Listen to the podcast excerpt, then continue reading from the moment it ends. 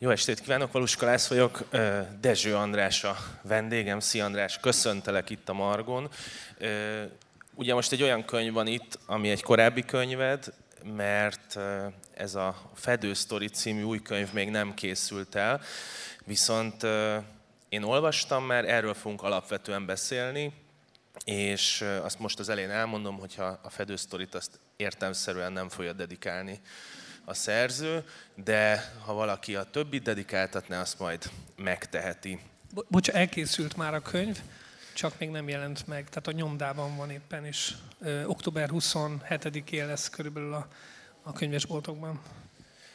Hát ez rajtunk most nem segít. Elnézést, én iszonyatosan visszhangzom, ezt ebből egy picit tudtok segíteni ezen? Köszönöm. Fedő sztori. Én itt, amíg álltunk, már elkezdtem neked mondani az olvasatomat. Ugye a, a mackónadrág és a kokain útja után egy új területbe vezetsz be minket. Ezek valamennyire mindig egymásból következnek, de hogy érkeztél el a hírszerzés a kémek világába? Hát ugye én újságíró vagyok, tehát nem is nem mondanám, hogy író és mint újságíró különböző területekre specializálódtam. Ilyen a szervezetbűnözés, azon belül ugye volt a mackónadrág, ami, ami nagyjából erről a világról szólt, és annak egy leágazása volt a kokain kereskedelemről szóló magyar kóla. És a másik ilyen terület, amivel foglalkozom, az hát mondjuk így, hogy a titkosszolgálatok világa. Ugye valamennyire kapcsolódik nyilván a kettő, egymáshoz, már mint a szervezetbűnözés és a titkosszolgálatok világa, bár inkább a rendőrségi világ kapcsolódna a szervezetbűnözéshez, de nyilván vannak olyan történetek, ahol nem csak a rendőrség dolgozik egy-egy ügyön a háttérben, hanem megjelennek olyan szervezetek is, amelyek úgymond titkosan dolgoznak, amelyeknek a létezéséről ugyan tud a nyilvánosság, de a módszereikről, a az eszközeikről már kevesebbet, természetesen arról is sokat tudnak, főleg akik úgy érdeklődnek. Utána nekem így jött ez a történet, hogy filmekből is ugye nagyon jól ismerjük ezt a világot, James Bond filmek, vagy a most futó, vagy nem tudom, hogy még fut-e a Homeland a Netflixen, ami ugye ezt a világot mutatja be. Nyilván, ahogy a magyar kólánál is beszerettem volna mutatni, hogy milyen a magyar nárkosz, kicsit ebben a könyvben azt szerettem volna bemutatni, hogy milyen a magyar Homeland, ami ugye nem csak hírszerzésről szól, hanem a másik oldaláról, a kémek világáról, a kémelhárításról is. Csak röviden annyit, hogy aki hírszerző, mondjuk egy magyar hírszerző, az Magyarországon hírszerző, de amikor kimegy külföldre és ott, mint hírszerző dolgozik, akkor ott már kémnek számít, vagy az általa beszervezett ügynök már ugye kémnek számít. Tehát a hírszerzők nem szeretik, hogyha a magyar hírszerzők, hogyha lekémezik őket. És ugye vannak azok a hírszerzők, akik külföldiek és Magyarországon tevékenykednek, ők ugye mi olvasatunkban kémek, és vannak olyan magyar emberek, akik pedig nem hírszerzők, hanem kém elhárítók, tehát akik azért dolgoznak, hogy ne tudjanak normálisan dolgozni az itt dolgozó kémek. Egyébként ezt azért jó, hogy ezt a fejtágítást megtartottad, mert az egész világ olyan, mint egy nagyon bonyolult társasjáték, és ez a könyv elején nem csak a már amikor készültem a beszélgetésre, akkor tudtam, hogy ezeket sokszor el fogom rontani, tehát hogy vannak a titkos szolgálatok, többes számban, meg külön. Ebben most a nyelvi részletekben nem menjünk bele, a könyvből majd kiderül, és van ez, hogy a hírszerzők és a kémek között mi a különbség. És hogy van egy nagyon bonyolult társasjáték, amiben a szereplők azok ennek a nagy játéknak a nem is csak bábúi, hanem eszközei. Tehát, hogy feladataik vannak, amiket végre kell hajtaniuk, ráadásul ebbe a társasjátékba folyamatosan jönnek be olyan új játékosok, akik először is nem biztos, hogy tudják, hogy milyen játékot játszanak, vannak olyan játékosok, akik esetleg ki akarnak szállni ebből a játékból, de nem biztos, hogy megtehetik, és, és a végeredményben mégis az az érzés az embernek, hogy ezek, ezek az emberek, ezek valójában eszközök, amiket nagyon céltudatosan használnak. Ezt nagyjából jól írtam le ezt a társasjátékot, vagy ennél azért árnyaltabb és bonyolultabb? Teljesen jól írtad le ezt a társasjátékot. Néha, néha ez nem csak, tá- tehát ö, most úgy írtad, mint társasjáték, de ez, ez nem csak egy jó analógia, hanem ők használják is például azt a kifejezést, hogy játszma. Tehát vannak titkosszolgálati játszmák, vagy amikor játszmáznak, és, és az tulajdonképpen olyan, mint egy, mint egy társasjáték, úgyhogy úgy tökéletesen jól leírtam, nem is tudtam volna. Kár, hogy ezt kihagytam, ezt a hasonlatot a könyvből, előbb kellett volna beszélgetnünk. A, azért is vezettem be innen ezt a társasjáték analógia felől, mert nagyon sokféle szereplő van ebben a játékban, és te ebben a könyvben ezeket a játékosokat mutatod be. És ezek a játékosok kapnak történeteket, egyébként hasonlóan ahhoz, ahogy a, a magyar kulában vagy a mackó nadrágban is hirtelen a, nem tudom, a, a kétsoros hír, tehát hogy kihalt meg, annak lesz egy, lesz egy története. Téged mi húzott be a hírszerzés világába? Mi volt az, ami, ami elkezdett foglalkoztatni a rendszer működése, vagy voltak olyan karakterek, vagy történetek, amiket el, el akarták kezdeni megérteni? Nekem általában, ugye újságíró vagyok, és én mindent úgy közelítek meg kicsit, hogy, hogy van-e benne sztori. Hát kicsit, mint a film rendező, csak nekem arra kell ügyelnem, hogy ez a sztori, ez igaz legyen. És és azokat a, újságíróként azokat a történeteket szeretem, amiben van ugye valamilyen emberi dráma, van sztori, van izgalom, és a titkosszolgálatok világa azért kezdett el érdekelni, mert, mert nagyon régen, tehát nem, nem új keletű ez a dolog, mert hát igen, mert nagyon, tehát miközben valóságos, nagyon sokszor ilyen hihetetlen sztorik vannak, vagy olyan történetek, amiket ugye nem látunk, vagy nem tudunk elképzelni. Tehát most mondok egy példát, mondjuk a 80-as évek, vagy a 70-es évek végén nehezen tudjuk elképzelni, hogy mondjuk a második kerületben van egy lakás, és ott egy teljesen átlagos, mondjuk fiatal, 20 éves magyar férfi éldegél, és hát szabad idejében mindenféle titkos titkos üzeneteket hív elő különböző technikai módszerekkel, amelyek ak- akkor még így a laikusok,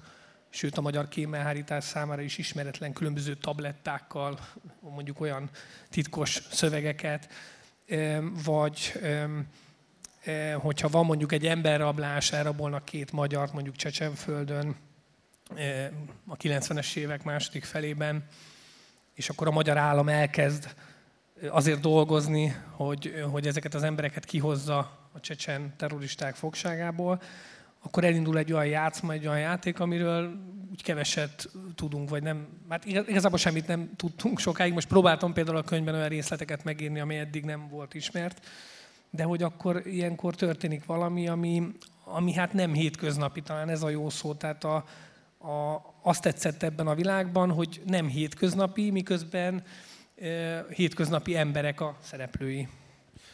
És ez jó, hogy ezt mondod, hogy ez a hihetőség kérdése, mert azt hiszem ennek az új könyvednek ez egy kulcsfogalma, a hihetőség. Egyfelől magában a, a hírszerzés világában is nagyon fontos az, hogy a fedősztorit, ami a könyv címe is, azt elhiszik-e az emberek, és hogy egy történetet lehet-e működtetni. Nyilván én itt a Margó Irodalmi Fesztivál előtt olvastam, és mindent az irodalmi szemüvegen keresztül olvasok.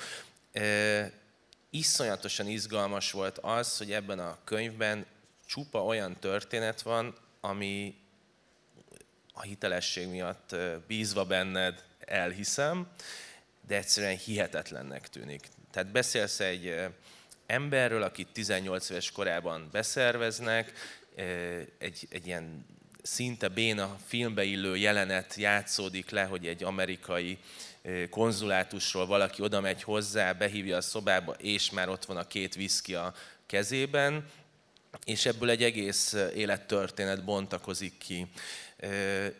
És az, az kezdett el foglalkoztatni a, ezzel kapcsolatban, hogy ezek a történetek, ezek valójában olyan történetek, mint ami az irodalomban, amit könyvekben olvasunk. Tehát, hogyha egy regényt a kezünkben veszünk, akkor elsősorban az a fontos, hogy hitelesen működjön a karakter, a világ, a szöveg, és ezek a, ebben a Fedősztori című könyvben rengeteg ilyen ö, konstruált élet és konstruált világ van, amiben nagyon nehéz lehet magának, maguknak a szereplőknek is eligazodni.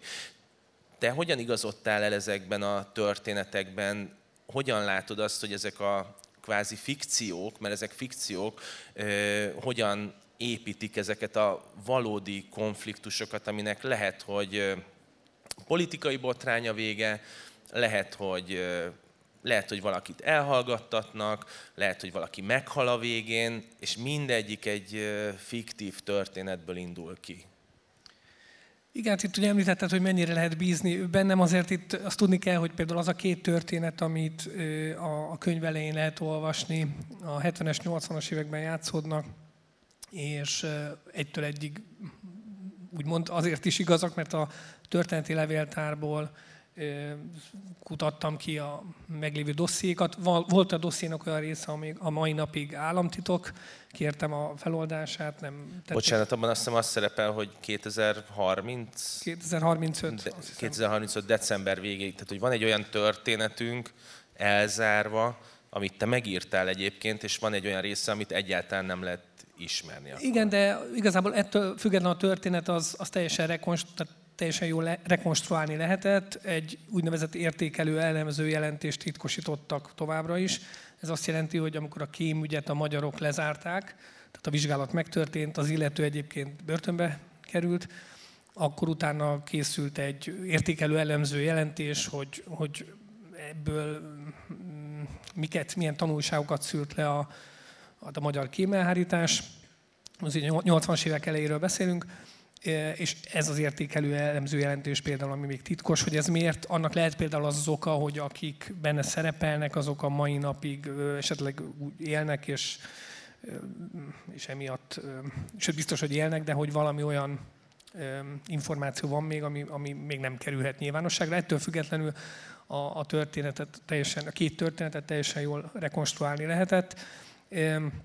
Hát a többi esetben is nagyjából ezzel a módszerrel dolgoztam, ugye vagy tudtam beszélni olyanokkal, akik, akik érintettek voltak egy-egy ügyben, és, és ugye van a könyvnek több olyan része, ahol interjúk vannak, mint a Magyar Kólába alkalmaztam először, hogy interjúztattam szereplőket, még drogkereskedőt, főleg a módszerekről vagyok ilyenkor kíváncsi a világra, és itt is sikerült interjúznom olyan emberekkel, akik hát beszéltek erről a munkáról, ami tényleg, ahogy mondod, nagyon sokszor fikciós, de olyan értelemben fikció, hogy a fikció, a legenda, az fel van használva egy, egy valós történetben, tehát tehát maguk a, történ- a történetek a könyvben azok megtörténtek, csak nagyon sokszor tényleg a benne szereplő emberek nem tudják, hogy, hogy mi a valóság, hogy az, amit közölnek velük, az csak egy, egy fedősztori, és ez valóban így működik, tehát így dolgoznak a titkosszolgálatok, ugye nem avatják be a, a kis bábokat minden egyes részletben, és sokszor ez a, ez a legenda is változhat, mert ugye változnak a körülmények, valamit mondani kell, akkor akkor ez módosulhat. Tehát, hogy, hogy én azt látom, és hogy, hogy ezek, tehát nekem azért tetszett ez, hogy ennyi a, úgymond a fedősztori benne, mert ezek mindig, vagy sokszor egy ilyen csavar, csavart hoztak, és akkor nem nekem kellett gondolkozni a csavaron. Amúgy sem kellett volna, de hiszen ugye ez egy dokumentumkönyv, de így, így szerencsém volt. Tehát én ezért is szeretem ezeket a történeteket. Tényleg mindig van benne vagy valami csavar, vagy valami fordulat, vagy önmagában az érdekes, hogy nem tudja a másik, hogy pontosan miben is van benne. Most megkérnélek, hogy olvas fel az első két részletet válogattunk, vagy válogattál ki. Az elsőt olvas fel. Én addig, meg, amíg megkeresed, addig elmondom a kedves nézőknek, hogy én szerintem ez a három Dezső Andris könyv közül a legolvasmányosabb abból a szempontból, hogy, és ezért is lesz egy felolvasása a kötetből, no, ilyen non-fictionből, ugye nagyon ritkán szoktak felolvasni szerzők, de, de akkor a történetek vannak benne, amik, amik miatt úgy áll össze ez a Fedősztori című könyv, mint hogyha nagyon sok érdekes novellát olvasnánk, és és a felolvasott részlet után pedig ezzel, a, ezzel fogunk foglalkozni. Egymásba fordítottam. Megvan?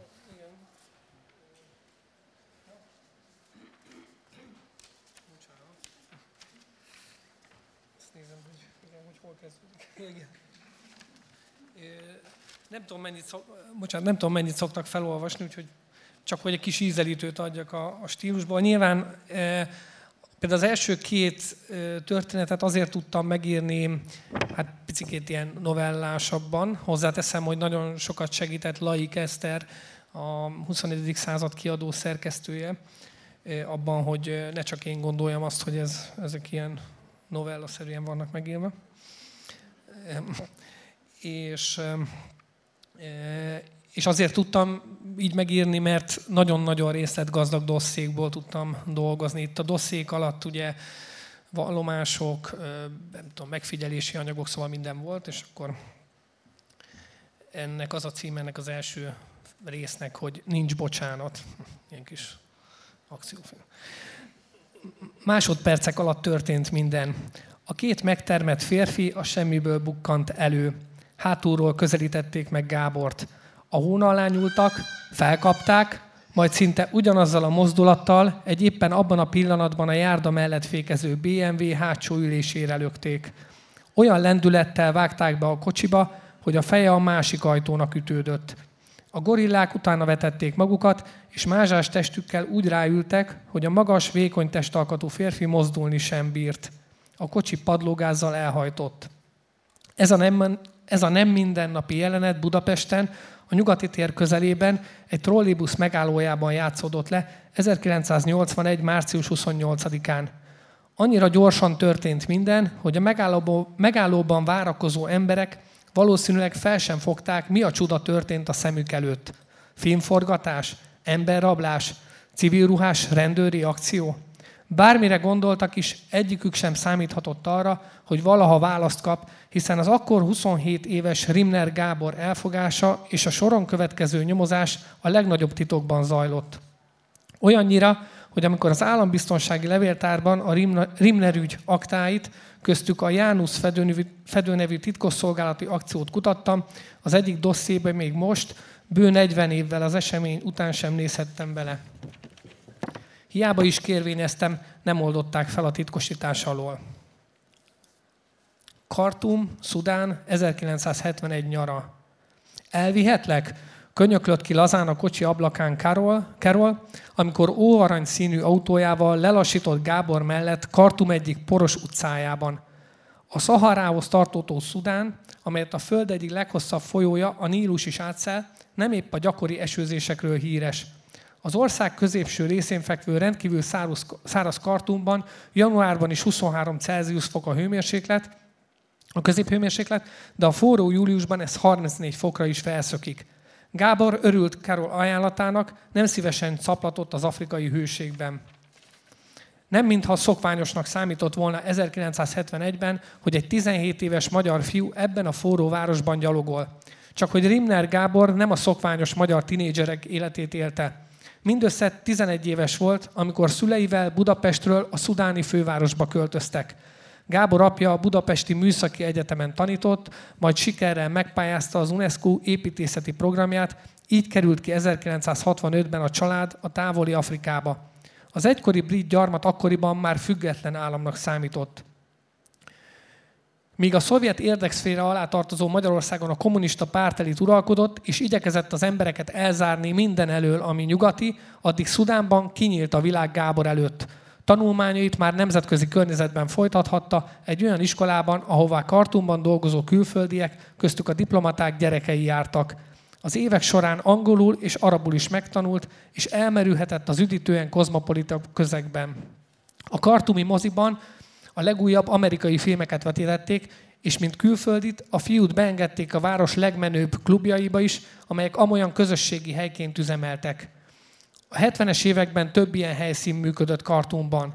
Gábor szülei a nyugatnémet klubot kedvelték, de a fiú egyik osztálytársa révén a legjobban felszerelt amerikai klubba is bejáratos lett, élvezhette annak minden előnyét, az uszodát, a drinkbárt és az ott folyó karate edzéseket, amelyet egy Gary nevű amerikai tengerészgyalogos tartott.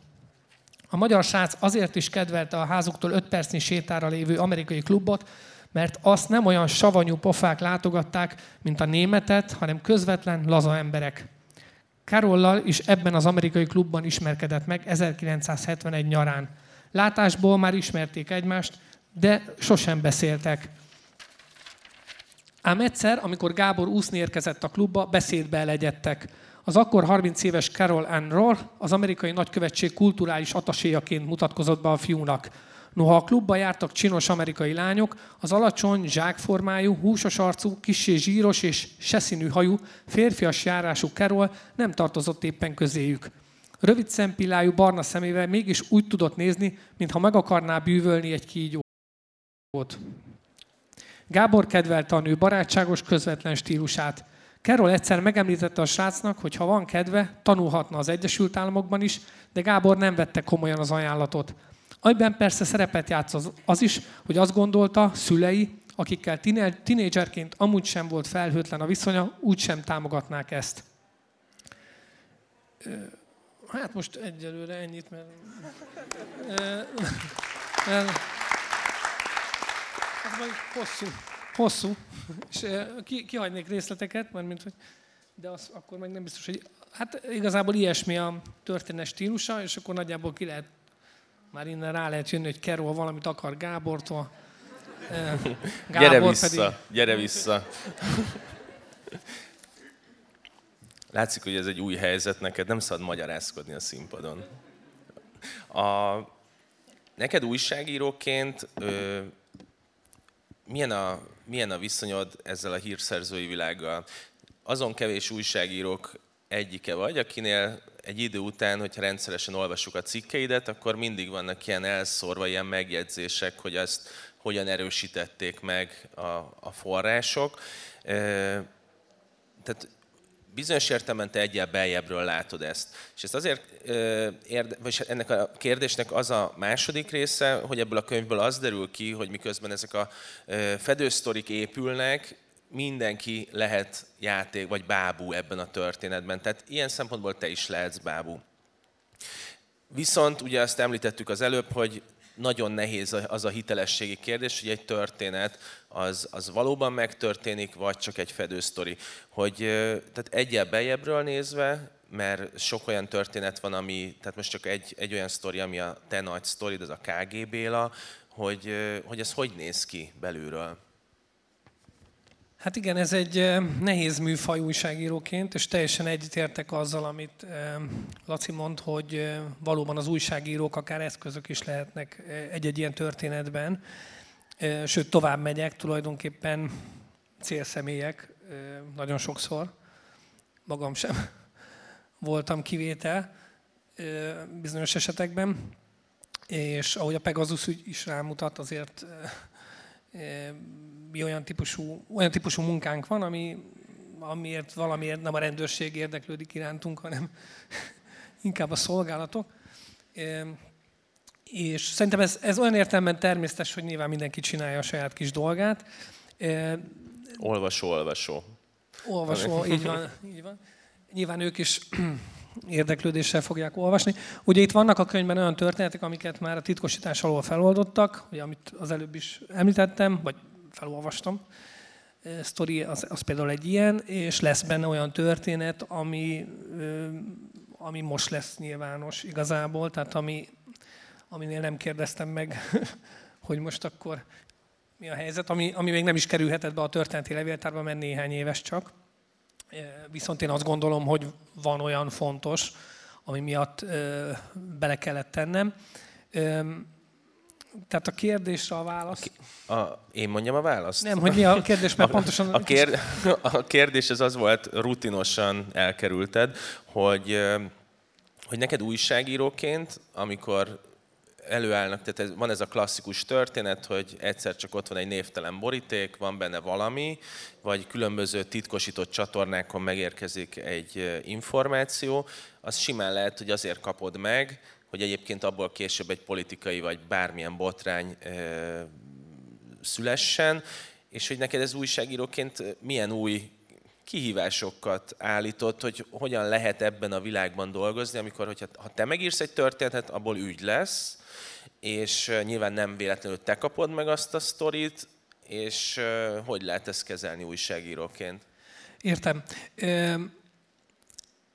Hát igazából az, hogy tehát ilyenek vannak, hogy névtelenül kapunk információkat, nem csak én, tehát nagyon sokan mások is, sőt én azt gondolom, hogy vannak Magyarországon olyan portálok, amelyek kifejezetten oknyomozással foglalkoznak, tehát csak azzal én azért újságíró vagyok, de messze, messze nem csak ilyen témákkal foglalkozom. A könyv sem igazán oknyomozó könyv, hanem szerintem érdekes sztorik, aminek nyilván, amiknek nyilván utána jártam. Tehát, hogy van ilyen, amikor mondjuk bejön egy ilyen információ, és ilyenkor az újságíró nem azt mérlegeli, hogy na vajon kinek az érdeke, hogy ez megjelenjen, hanem az, hogy ez tényleg így történt, ez, ez hiteles információ, tehát ellenőrizzük, ellenőrizzük az információt, és, és nem azt mérlegeljük, hogyha ez kiderül, akkor az kinek az érdeke. Ez ugyanaz, mint hogy a következmények sem a mi dolgunk. Tehát én mondjuk írhatok a, a, nem tudom, a Borka ügyről írtam, a Borka ügy alapjáról írtam 2012-ben, tehát lényegében megírtam azt, ami miatt 8 évvel később ügy lett, de amikor 2012-ben e- ezt megírtam, akkor engem bepereltek, amit aztán elvesztettek, vagy már nem emlékszem, tehát nem lett belőle komoly ügy. De 8 évvel később amiatt bukott bele végül is Borkai a polgármesterségébe. Tehát nem érdekelt engem 2012-ben az, hogy mi lett a következménye, nem kezdtem eret vágni magamon, hogy na, még mindig ott van. Igazából el is felejtettem ezt az ügyet. Tehát ez ugyanaz, hogy a következmények sem, tehát nem aktivisták vagyunk, nem az a célunk, hogy valakit megbuktassunk, vagy, vagy nem, hanem egyszerűen tájékoztassuk a, a nyilvánosságot. Tehát a forrás ilyen értelemben, hogy, hogy a forrásnak mi a célja, esetek, vannak olyan esetek, ahol ezt nem tudhatjuk. És vannak olyan esetek, amikor pontosan tudjuk. De irreleváns a történet nyilvánosságra hozatala szempontjából. Most mondok egy példát, hogy ne egy rébuszokba beszéljek mondjuk, hogyha alvilági történetnél, hogy ott Egyébként a rendőrség is így dolgozik hasonlóan, hogy ugye megkeresi a különböző szereplőket, vannak érdekellentétek, és ezeket kihasználja, ugye, hogy az igazságra fény derüljön. Na, ki ölt? Ugye évekkel később könnyebb rekonstruálni, mert valaki már összeveszett valakivel, stb. Az újságíró is így dolgozik, hogy minél több forrást, minél több a sztori ismerő, sztorit ismerő embert keres meg, és akkor persze tudja, hogy ja, hát ez, amit mond, ezt azért el kell osztani kettővel, mert mit annyira utálja az ügy főszereplőjét, vagy, vagy nagyon hiteles, mert, mert egyébként minden, amit mond, azt, azt alátámasztják egyéb bizonyítékok. Tehát, hogy a Pegasus ügy is egy, ha, ha most ezzel példálozhatok, ugye ott sem tudjuk, hogy ki a forrás. Pontosan én nem tudom, lehet, hogy azok, akik foglalkoztak ezzel az ügyel, azok tudják, de de ott is teljesen reális felvetés az, hogy na, esetleg valamelyik külföldi titkosszolgálat azt akarta, hogy ezek az adatok kiszivárogjanak. És akkor most mi a sztori? Az, hogy ezt akarta egy külföldi titkosszolgálat, na bum, vagy az, hogy mi történt, hogy embereket figyeltek meg terrorizmus és szervezetbűnözés címszó alatt, olyan embereket, akiknek közük nincs a terrorizmushoz vagy a szervezetbűnözéshez. Az, amit említesz a Pegasus kapcsán, az azért nagyon fontos, mert a könyvedben ez az egyik időben a végpont. Tehát, hogy ennél közelebbi sztori nyilván nem nagyon lehet, mert ez még kvázi bizonyos értelemben zajlik, de, de ez, a, ez a végállomásunk, és sok-sok évtizeddel korábban kezdődik a, a, a könyvnek a, az eleje, és, és az derül ki a könyvből, hogy a különböző évtizedekben más-más eszközöket használnak, miközben az alapok nyilván ugyanazok, de más-más eszközök jönnek be, nyilván a digitális forradalom, vagy a közösségi média szerepe, csupán az, hogy sokkal több információt osztunk meg automatikusan magunkról, hogy lájkoljanak minket, meg hasonlók. Folyamatosan változik az, az eszköztár, és ez, egy, ez egyfelől ez érdekelne majd, hogy ez, ezt hogy látod, hogy hogyan változik, mert engem tényleg megdöbbentett az, hogy talán egy 70-es évekbeli történetnél valami olyan ö, technika van leírva, hogy a, az alany az kap egy papírt, és itt az O betűben van egy nem is mikrofilmnek hívják, de valami hasonlónak, amit egy mikroszkóppal tud megnézni, és azon van az üzenet. Hát ez tényleg a James Bond filmek világa. E, akkor maradjunk ennél, tehát hogy ezt akkor megválaszolod, hogy hogyan változik az évtizedek alatt az eszköztár? Igen, hát a, ezek, amik a könyvben vannak, technikák, ugye a 70-es, 80-as években, ezek is nagyon való, tehát ezek tehát nem kamu. Ezek mind a vizsgálati dosszékból derültek ki és valóban sokkal előrébb járt a technika, sokkal filmszerűbb volt a 70-es években, 80-as években, mint amit arról az átlagember tudott. Miközben voltak Magyarországon olyan emberek, nyilván a kémelhárítók, akik pontosan tudták, hogy léteznek ilyen, ilyen eszközök. Már volt olyan is amerikai ilyen vegyi anyag, amit nem tudtak reprodukálni a magyarok, és azért el kellett lopni azt a vegyi anyagot, és akkor azzal játszmáztak, hogy így fogalmaznak. Na most ami érdekes, hogy igazából a, én azt tapasztalom, hogy a, a 70-es, 80-as évek módszerei, azok vissza fognak térni pontosan amiatt, mert a digitális technológiák azok veszélyesek a hírszerzői munkára is. Tehát nem csak a mondjuk a hírszerzés tud könnyebben adatokat gyűjteni, profilozni valakit, mondjuk a nem ismerek, itt bárkit rámutatnék valakire a közönség soraiból, vagy, vagy megnézném, és azt mondanám, hogy na, akkor tudni akarok róla mindent. Lehet, hogy nem is kellene kimozdulnom a szobából, hogy megtudjak, elég megtudnom valahogyan a nevét, és Facebook oldal, meg egyéb közösségi oldalak, meg, meg digitális ö, lábnyomok alapján ö, egy környezettanulmányt is akár el tudnék róla készíteni.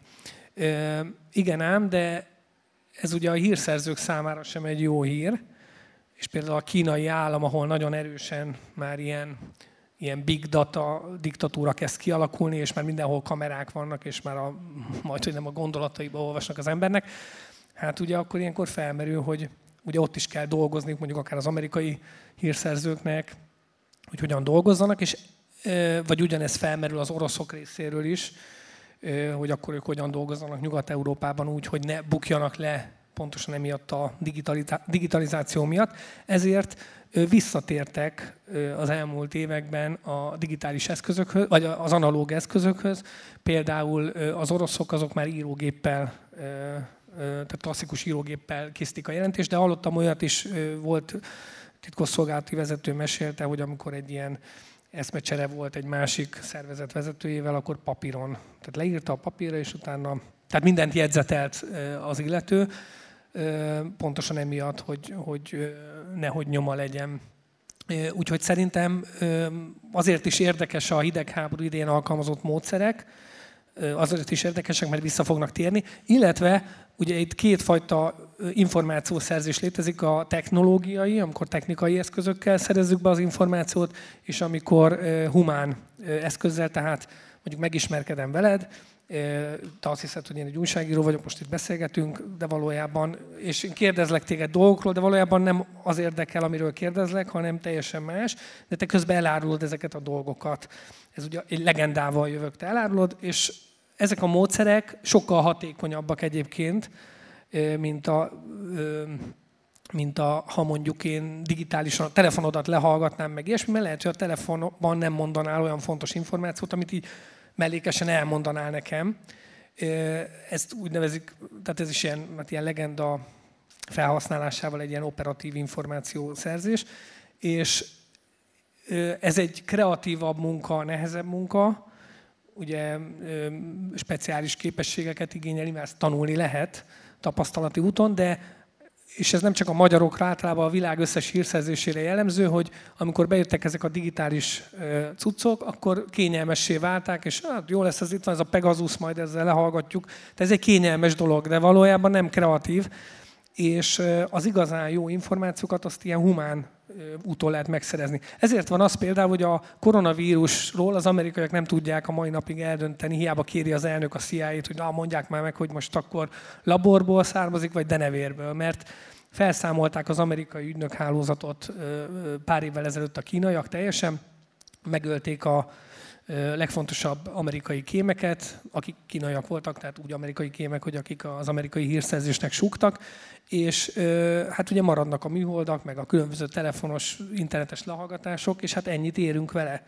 Tehát sokkal értékesebb információt tudunk szerezni úgy, hogyha hát úgynevezett ilyen, ilyen, ilyen humán módszerekkel dolgozunk, úgyhogy lehet, hogy kicsit bő voltam, de, de például ez egy, szerintem ez egy tök érdekes dolog, hogy, hogy visszatértünk a, a, az, a történet elejére ilyen értelemben. A, visszatérve az évtizedek kérdéséhez, az is látszik, hogy a különböző évtizedekben más-más a szerepe a hírszerzésnek. A, a hidegháború az nem csak nem csak a két fél közötti háborús helyzetben volt fontos a hírszerzés, tehát nem csak azért volt fontos, hogy a hidegháborút úgy tudják fenntartani, magát a háborúzást, hogy ne kelljen valójában összeütközésbe kerülni, hanem, hanem azért is fontos volt, hogy az évtizedek alatt létrejött egy ilyen popkulturális jelenség, ami, ami hogyha azt mondják, hogy hidegháború, akkor ilyen ballonkabátos embereket látunk, akik nagy újságok mögött néznek kávézókban más embereket. És ez lett az ilyen elképzelésünk arról, hogy hogy működik a hírszerzés.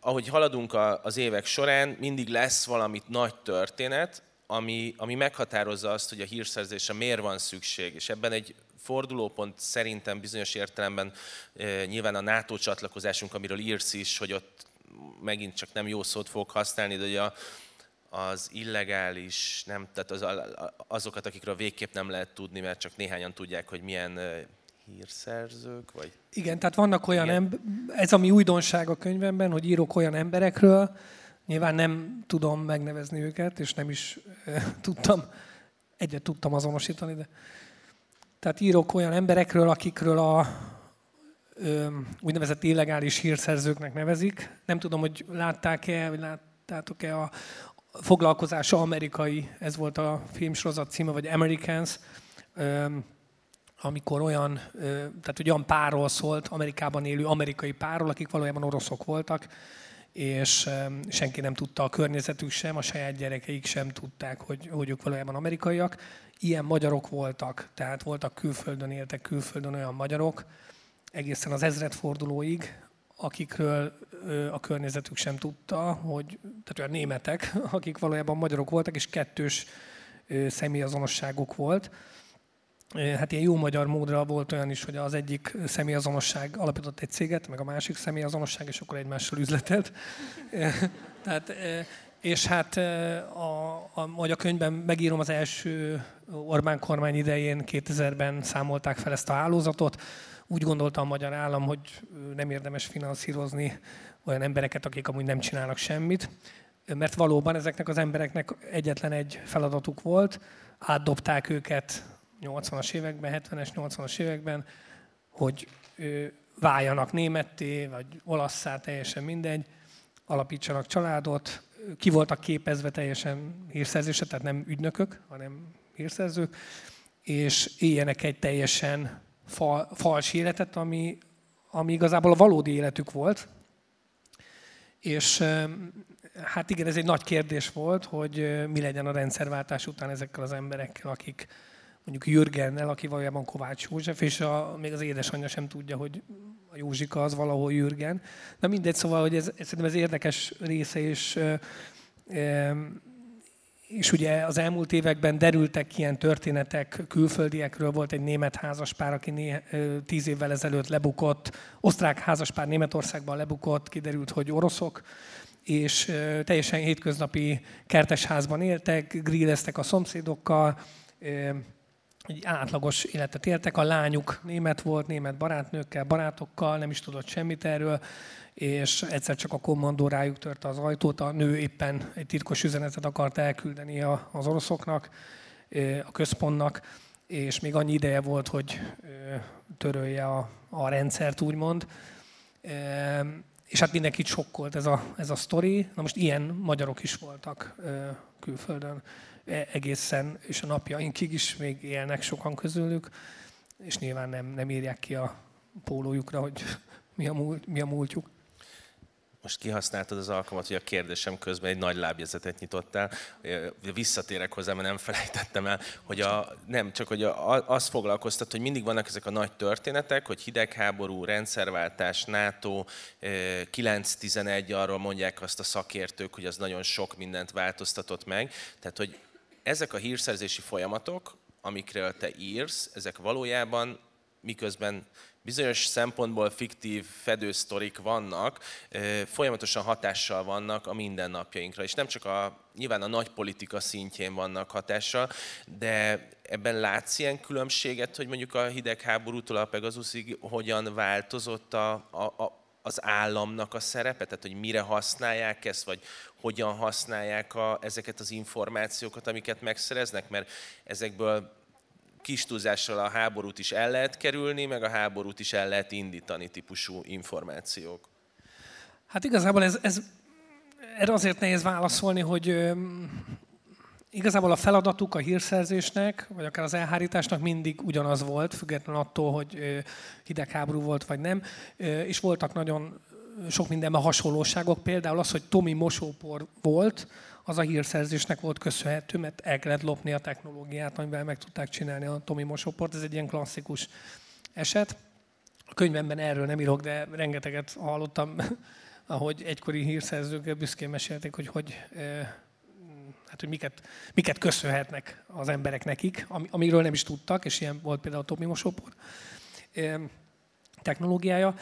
Tehát, hogy, hogy lényegében a hírszerzés az mindig kiszolgálja az államot, az adott kormányzatot, és mindig a kormányzat határozza meg a prioritásokat, hogy mi a cél. Tehát ebben igazából nem volt a hidegháborúban sem változás. Ott annyi, hogy ugye volt egy két, tehát bipoláris volt a világ, és akkor jó rosszak voltak.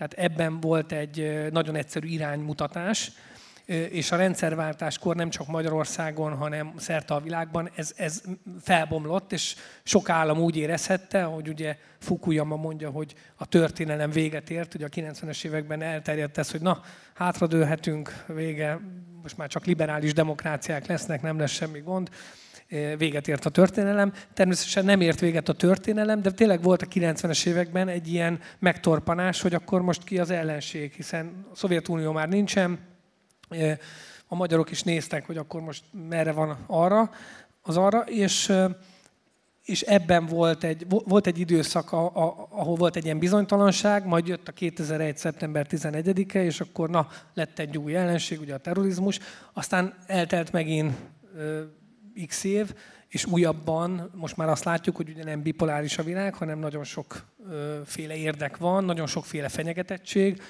vírusok, Kína, Amerika, nyilván a kínaiaknak Amerika a vírus, tehát hogy több szereplős ez a történet, és a kisebb államok is zavarban vannak, akár Magyarország, hogy akkor most hogyan egyensúlyozzanak ugye Oroszország, Amerika között, és tehát ilyen értelemben változott, bonyolultabb lett, de, de a módszer az nem változott, és, a, és az, hogy elvileg ezekre a problémákra kellene választ adniuk a hírszerzés, segíteniük a kormányt. Például így, hogy a, a, ha mondjuk maszkokra van szükség, ugye amikor berobbant a koronavírus járvány, akkor az izraeli titkosszolgálat nagyon ügyesen azon dolgozott, hogy Izraelben minél hamarabb, Izrael minél hamarabb megszerezzen maszkokat bármi áron. Tehát, hogy Ebből következik egy másik fontos kérdés, hogy a, az állam és a, a polgár között ott van ez a hírszerzőzési világ, ami iszonyú romantikusan egy ilyen szürke zónaként van leírva. Ennek a, a disztópikus része, ez az állam az államban típusú működés, tehát hogy bármit meg lehet tenni az információ megszerzésért. Általában a, mi a popkultúrában ezt a részét ismerjük. Azt mondtam neked, hogy én most ilyen Homeland nézésben vagyok, ahol valójában mindent meg lehet tenni, mert mert a legfontosabb az, hogy a terrorizmust elkerüljék, de, de például most a Pegasus ugye az bizonyítja, hogy nekünk polgároknak nincsen meg az a biztons, vagy hát nekem, óvatosan kell már mindig fogalmazni, tehát nekem polgárként nincs meg az a biztonságos érzésem, hogy egyébként bármiféle kontrollunk lenne afelett, hogy a, a hírszerzői eszközöket mondjuk mire használják. Ugye nem indult el például nyom, nyomozás abból a szempontból, hogy akkor mi is van ezzel a történettel kapcsolatban. Tehát ebből a szempontból változtak a, mondjuk a hidegháborútól, nem tudom, 9-11-en át a viszonyok, hogy mit lehet megtennie a hírszerzőknek, vagy hogy az állam és a hírszerzésnek a viszonya hogyan alakul? Én maradnék Magyarországon, csak azért, hogy ugye általában magyar témákról írok. Magyarországon ugye a rendszerváltás előtt a titkosszolgálat egyébként egy mereven szabályozott szervezet volt, de, de nagyon nagy hálózattal működött, és nagyon hatékony is volt bizonyos értelemben magyar viszonylatban, mert azért sokkal jobbak voltak a csehek, az endikások, a bolgárok, de, de tény, hogy, hogy, hogy nagyon erősen, nagyon erősen rajta tartotta a szemét ugye az állampolgárokon. Majd jött a rendszerváltás, és ezek a titkosszolgálatok megmaradtak. Persze néhányan elmentek onnan, de nagyon sokan, akik mondjuk a 80-as években fiatalon kerültek be a szervezetbe, azok maradtak, és, és a, az új világban ők ugyanúgy kiszolgálták a demokratikus magyar kormányokat. És akkor még volt egy ilyen, ez elég sokáig, időszak, sokáig tartó időszak volt, amikor hát pont amiatt volt egy ilyen kontroll bennük, egy ilyen önkontroll, mert nagyon rossz volt a hírük. Ugye a szocializmus alatt nagyon rossz volt a hírük, tehát, tehát hogy, hogy bizonygatni akarták, hogy ők igenis, ők a demokratikus, tehát ők mindig kiszolgálói ugye az államnak, de mivel egy demokratikus államberendezkedés volt a rendszerváltástól kezdve, ezért ők a demokratikus államberendezkedésnek a, a kiszolgálói, és például kínosan ügyeltek arra, hogy politikai pártokat, politikai témákat ne bolygassanak, ne, ne keveredjenek bele pártpolitikába. Ezt nagyon sokáig tartották is. És és akkor idővel, nyilván 2010 után ebben szerepet játszott az is, hogy, hogy kicsit centralizáltabb lett a, vagy talán ez rossz kifejezés, de erősebb lett az állam, és mindent átszőtt, és akkor így egy, egy, ez, a, ez a kis határvonal, ami, hogy mi a, mi a kormánybiztonság és mi a nemzetbiztonság, ez egy picit elmosódott.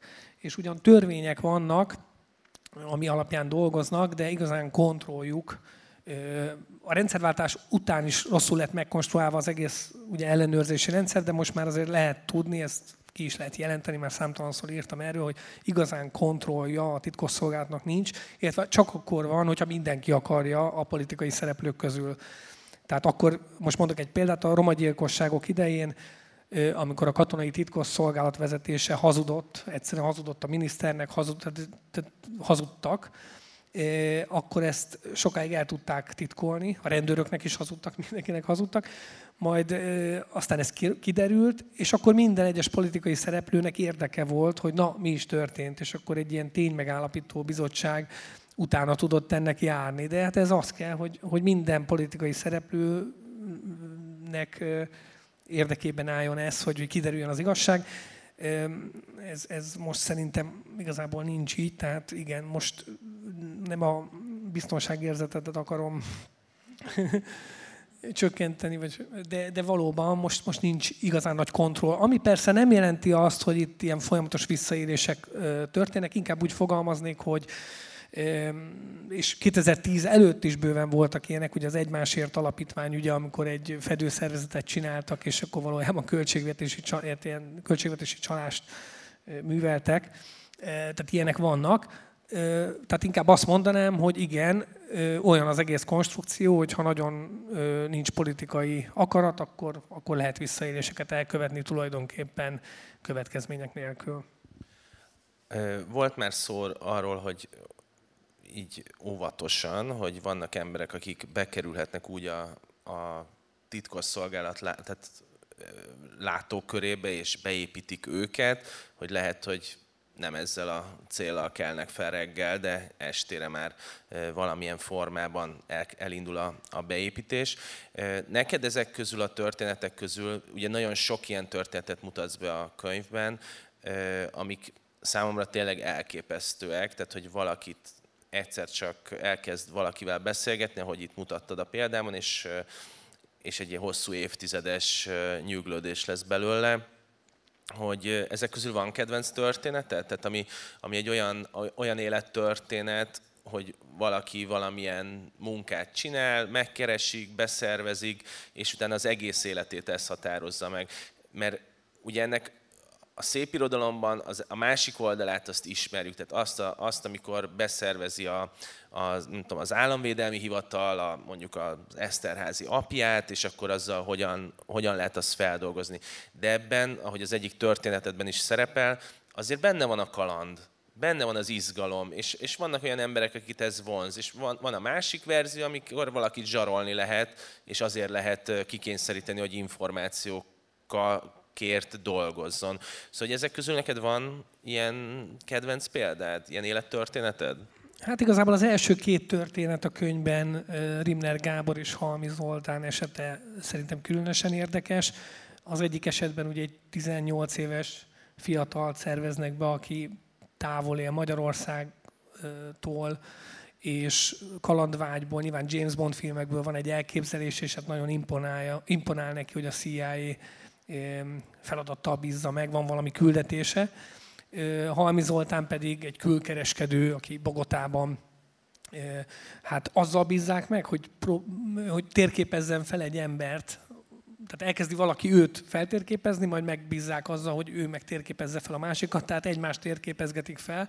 Nyilván a cél az, hogy beszervezze egyik a másikat, és ott például van egy ilyen csavar, hogy igazából a halmit szervezik be, a, tehát a magyart a CIA, és nyilván úgy tér haza, hogy erről azért nem, nem mondja meg a főnökeinek. Tehát, hogy, és ez mind a két, olyan, mind a két történet olyan, hogy aztán évtizedekig, vagy a mai napig, Halmi Zoltán már meghalt, a mai napig meghatározza ezeknek az embereknek az életét egy-egy ilyen döntés, és nyilván felmerül az, hogy bár ez ilyen hülye dolog, mert most miért legyen a CIA etikus, vagy a, vagy, bár, vagy a KGB. Tehát, hogy mennyire etikus ez, ezt csinálni emberekkel. Szóval nincsen szerencsés helyzetben az, akit megkörnyék ez a titkosszolgálat. Ez, ez, ezt állíthatom. Ez, ez egy, ezek alapján, a történetek alapján. Ebből ki lehet szállni? Tehát, hogyha valakit beszerveznek, akkor van olyan pont, hogy azt mondja, hogy köszönöm szépen, akkor holnaptól már nem, nem adok információt? Természetesen, szóval igazából nem lehet azt mondani, hogy ilyen meg olyan esetek, hogy mondjam, tehát nem lehet általánosítani. Természetesen mondhatja egy ügynök azt, hogy többet aztán nem veszi fel a, az üzenetet, vagy nem, nem reagál rá, tehát eltűnik. Ugye ilyenkor nyilván attól fél, hogy mi van akkor, hogy azok, akik sokat tudnak róla, hiszen mondjuk ő aláírt egy papírt, majd ezzel zsarolni fogják, majd ezzel bajt hoznak a fejére, főleg akkor, ha esetleg utalásokat tesznek erre, hogy amennyiben nem ö, úgy csinálja, akkor ez meg ez lesz. Ugyanakkor azért a, a beszervezőnek sem érdeke az, hogy, hogy boruljon a bili, tehát ez, ez esete válogatja. Én találkoztam olyannal is, aki veszített el ügynököt, és nem, mármint külföldön is ennyi elveszítették, úgyhogy nem, nem mentek utána, hogy akkor megöljék. A másik oldalról is ugyanezt végigkérdezném, mert hogy a, az említett, az előző válaszodban említett szereplőknél tök fontos az, hogy egy iszonyú gátlástalan hosszú távú projekt van. Tehát nem arról van szó, hogy mi most itt beszélgetünk, és akkor holnaptól elkezdek információkat szolgáltatni, hanem arról van szó, hogy nagyon fiatalon megtalálják a, a mindig elfejtem a nevét, a Rim, Rim, Rim, Rimner, Rimner nevű 17 évesen megtalálják, és megmondják neki, hogy figyelj, lehet, hogy Amerikába akartál jönni, de helyette mi lenne, ha visszamennél Magyarországra, tanulnál egy kicsit, így elérnél valamit az életben, és akkor jelentkezünk. És akkor eltérnek évek, és akkor tényleg jelentkeznek, és ez viszont ultra brutál, hogy ilyen hosszú távon lehet gondolkozni, mert valójában az történik, hogy ott ráharapott a horogra, és akkor arra számítanak, hogy tényleg, és ő, és ő elég jó pozíciókat is ért el ahhoz, hogy tényleg használni lehessen. Így van.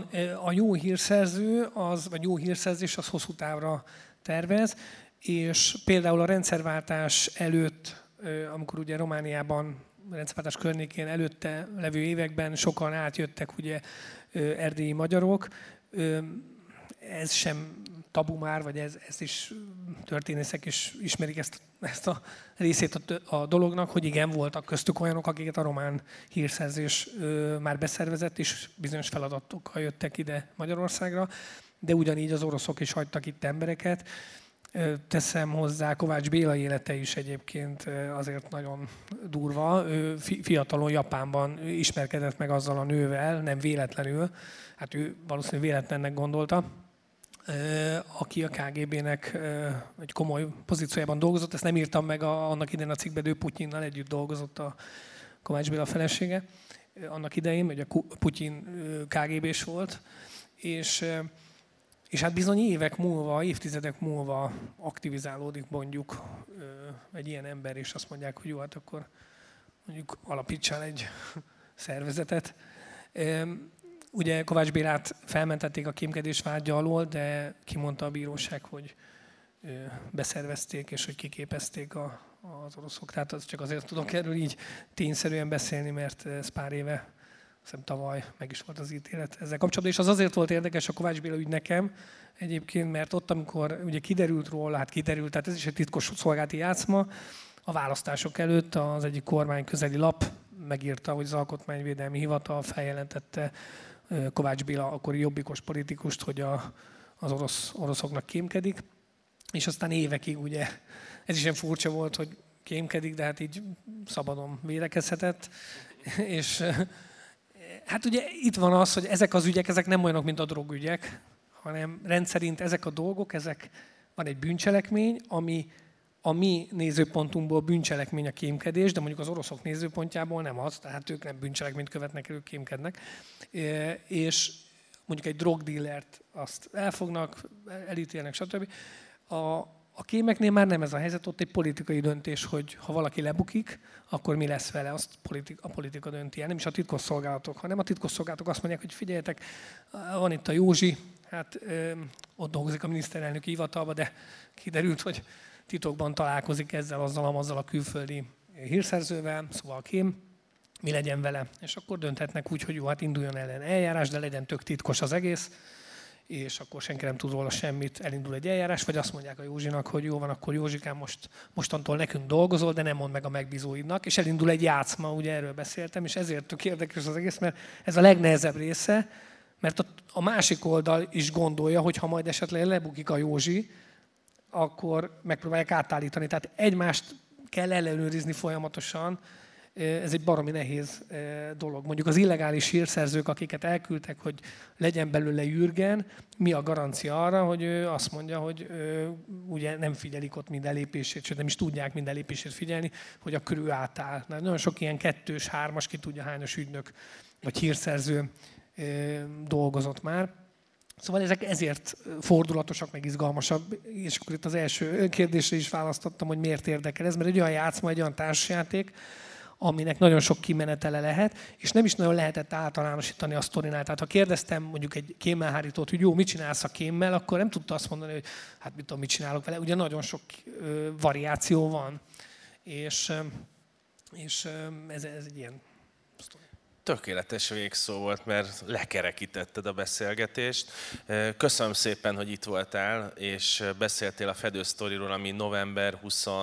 Október 25-én jelenik meg, és október, 27-én lesz október, a Bocsánat, október 27-én jelenik meg. Én azt javasolnám, hogy akkor azt majd olvassák el, vagy olvassátok el, és, és tényleg a sorozatokat, meg a filmeket is hirtelen úgy kezdjük el nézni, hogy ezek megtörtént esetek. És addig meg, hogyha valakinek van kedve, akkor kint Dezső Andris dedikálja a könyvét majd.